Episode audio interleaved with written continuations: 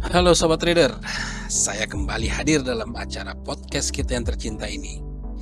Ya, kita masih membahas mengenai bank sentral, yakni bank sentral utama yang mana kebijakannya itu mempengaruhi perdagangan nilai tukar mata uang negara bank sentral tersebut, terutama terhadap mata uang utama atau major currency Sebelumnya kita sudah membahas empat bank sentral penggerak utama perdagangan mata uang mayoritas tadi. Yaitu yang pertama kita membahas The Fed, yang kedua itu ECB, yang ketiga BOE dan pada podcast saya sebelum ini kita sudah membahas mengenai SNB. Swiss National Bank atau bank sentralnya Swiss. Dan kali ini saya akan membahas mengenai bank sentral negara di Asia di mana ekonomi negara ini juga memiliki pengaruh besar terhadap perdagangan dunia. Ya, kita akan membahas mengenai Bank Sentral Jepang atau BOJ. Secara teknis sebenarnya peran bank sentral negara di dunia ini sama ya atau serupa. Begitu juga dengan Bank of Japan atau BOJ. Yang mana tugas utama Bank Sentral Jepang ini juga menetapkan kebijakan moneter yang bertujuan untuk menjaga stabilitas harga dan sistem keuangan Jepang yang kuat. Sebagai bank sentral, BOJ jelas memiliki dampak langsung pada pasar forex. Sehingga kebijakan dan keputusan apa pun yang diambil dalam setiap pertemuan BOJ penting untuk diikuti oleh para trader. Tahu nggak BOJ ini kadang juga disebut dengan Nichigan. Ada namanya Nichigan. Uh, bertugas mengatur kebijakan moneter dan menerbitkan mata uang untuk menjaga stabilitas sistem keuangan. Di sini Dewan Kebijakan BOJ mengadakan pertemuan kebijakan moneternya secara rutin ya, memutuskan pendekatan terhadap suku bunga dan cara mereka untuk mengimbangi inflasi siapa yang memiliki Bank of Japan. Tidak seperti The Fed yang dimiliki oleh lembaga swasta dan publik, ECB yang didirikan berdasarkan perjanjian Amsterdam untuk 19 negara anggota zona euro, BOJ dimiliki sepenuhnya oleh pemerintah Inggris. Bank Nasional Swiss dimiliki secara pribadi dan sebagian besar sahamnya dimiliki oleh kanton Swiss. Untuk BOJ sendiri 55% kepemilikan BOJ ini dimiliki oleh pemerintah Jepang dengan hak suara 100%. Sisanya 45% lagi dimiliki oleh publik yang diperdagangkan sebagai jasdak. Terhitung sejak Agustus 2019, BOJ dipimpin oleh Haruhiko Kuroda yang sudah menjabat sejak Maret 2018 dan saat ini Beliau sudah menjalani masa jabatan lima tahun keduanya yang dijadwalkan hingga April 2023 nanti. Sekarang kita berbicara mandat. Mandat utama BOJ terhadap ekonomi. Saya sebenarnya sih sama dengan bank sentral pada umumnya. BOJ memiliki dan menganggap mandat intinya adalah untuk menjaga stabilitas sistem keuangan dan menjaga stabilitas harga. Dalam menjaga stabilitas sistem keuangan, kebijakan moneter BOJ diimplementasikan untuk menjaga stabilitas sistem keuangan. Ya, itu mencakup pengendalian mata uang, pengendalian moneter, dan penerbitan uang kertas.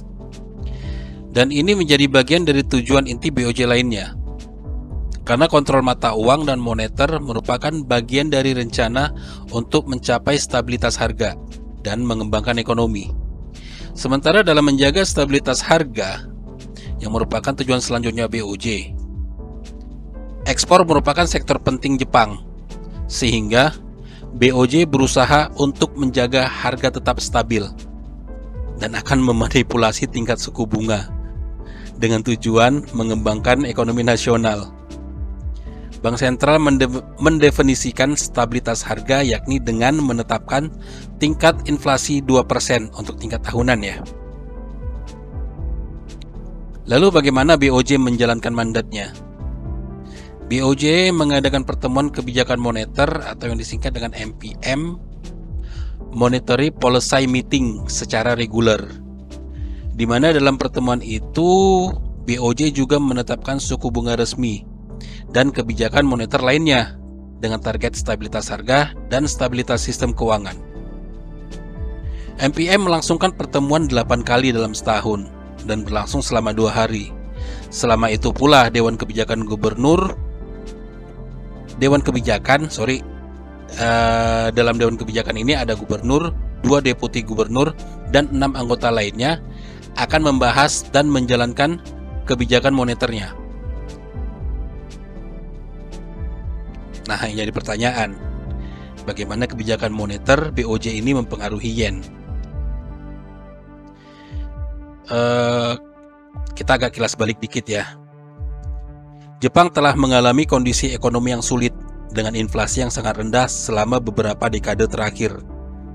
Dan sebenarnya Jepang juga masih gagal mencapai target inflasi 2% itu. Bahkan BOJ juga mengadopsi langkah pelonggaran kebijakan moneternya, mempertahankan suku bunga di level rendah dengan harapan dapat meningkatkan perekonomian.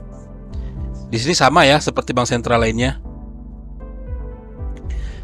Ketika ada sedikit insentif untuk disimpan karena suku bunga rendah, idenya adalah bahwa orang akan lebih banyak berbelanja, menempatkan uangnya ke dalam perekonomian, sehingga mendorong inflasi.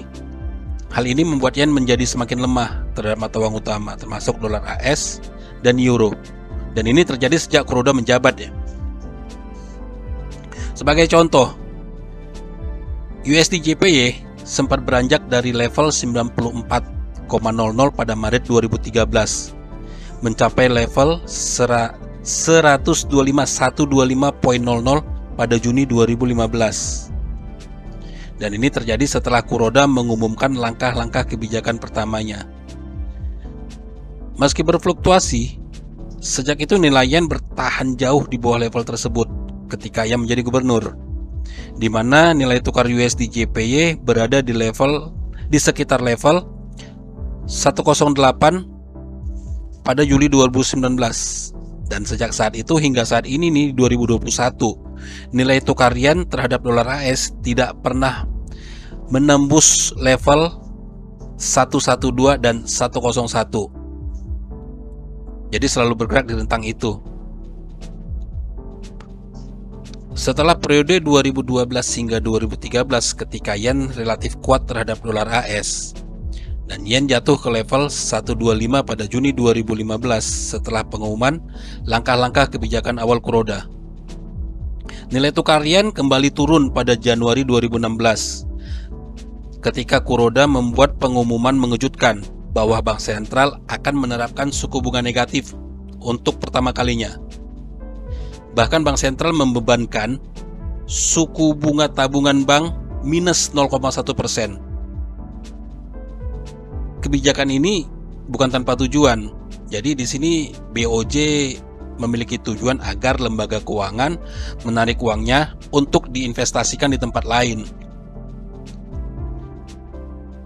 Pengumuman ini mengejutkan pasar karena Kuroda baru-baru ini sempat mengatakan kepada komite dan parlemen bahwa dia tidak ingin melakukan perubahan kebijakan pada saat itu yang jatuh terhadap mata uang lain termasuk dolar dan pound. Sedangkan indeks Nikkei 225 naik beberapa jam setelah pengumumannya. Menarik ya. Lalu bagaimana cara trading dengan keputusan suku bunga BOJ? Keputusan suku bunga BOJ dibuat dengan tujuan untuk meningkatkan pengeluaran dan investasi yang mempengaruhi inflasi. Perubahan permintaan pada saham dan mata uang karena terjadinya perubahan suku bunga dapat menciptakan peluang perdagangan. Meski suku bunga tetap sama, antisipasi seputar peristiwa penting seperti pertemuan kebijakan moneter dan data ekonomi juga dapat mempengaruhi pasar forex. Suku bunga jangka pendek sangat penting dalam menentukan nilai tukar yen. Jadi trader harus mengawasinya dengan cermat. Polanya seperti ini. Ketika pasar berharap suku bunga naik. BOJ menahan suku bunga. Pengaruhnya terhadap yen, yen akan melemah. Ketika pasar berharap suku bunga turun, BOJ masih menahan suku bunga, maka yen akan menguat. Ketika pasar mengharapkan BOJ menahan suku bunga, eh BOJ malah menaikkan suku bunganya. Ini mempengaruhi yen sangat positif. Yen akan menguat. Tapi jika pasar berharap BOJ menahan suku bunga, sementara BOJ memangkas suku bunganya, maka yen akan melemah. Jadi sobat trader, itu tadi pembahasan mengenai Bank Sentral Jepang atau dalam BOJ dalam podcast kami kali ini. Dan mungkin ini pembahasan yang terakhir mengenai Bank Sentral negara ekonomi utama yang menggerakkan perdagangan forex ya. Jika sobat trader ingin bertanya atau masih ada yang belum jelas atau dipahami, sobat trader dapat menanyakan pada kolom komentar. Nantikan podcast dari kami selanjutnya dengan topik tunggu aja kelanjutannya. Jika kalian suka dengan podcast ini, jangan lupa dikasih tanda like, komen, dan share podcast ini ya. Buat kalian yang belum subscribe channel YouTube kami, bolehlah di subscribe. Jangan lupa diklik tanda lonceng ya, biar nggak ketinggalan podcast atau informasi lainnya dari channel YouTube kami. Oke, sampai di sini dulu podcast dari kami kali ini. Tetap jaga kesehatan dan ikuti prokes agar terhindar dari paparan virus COVID-19. Trade by yourself and safe trading. Salam profit.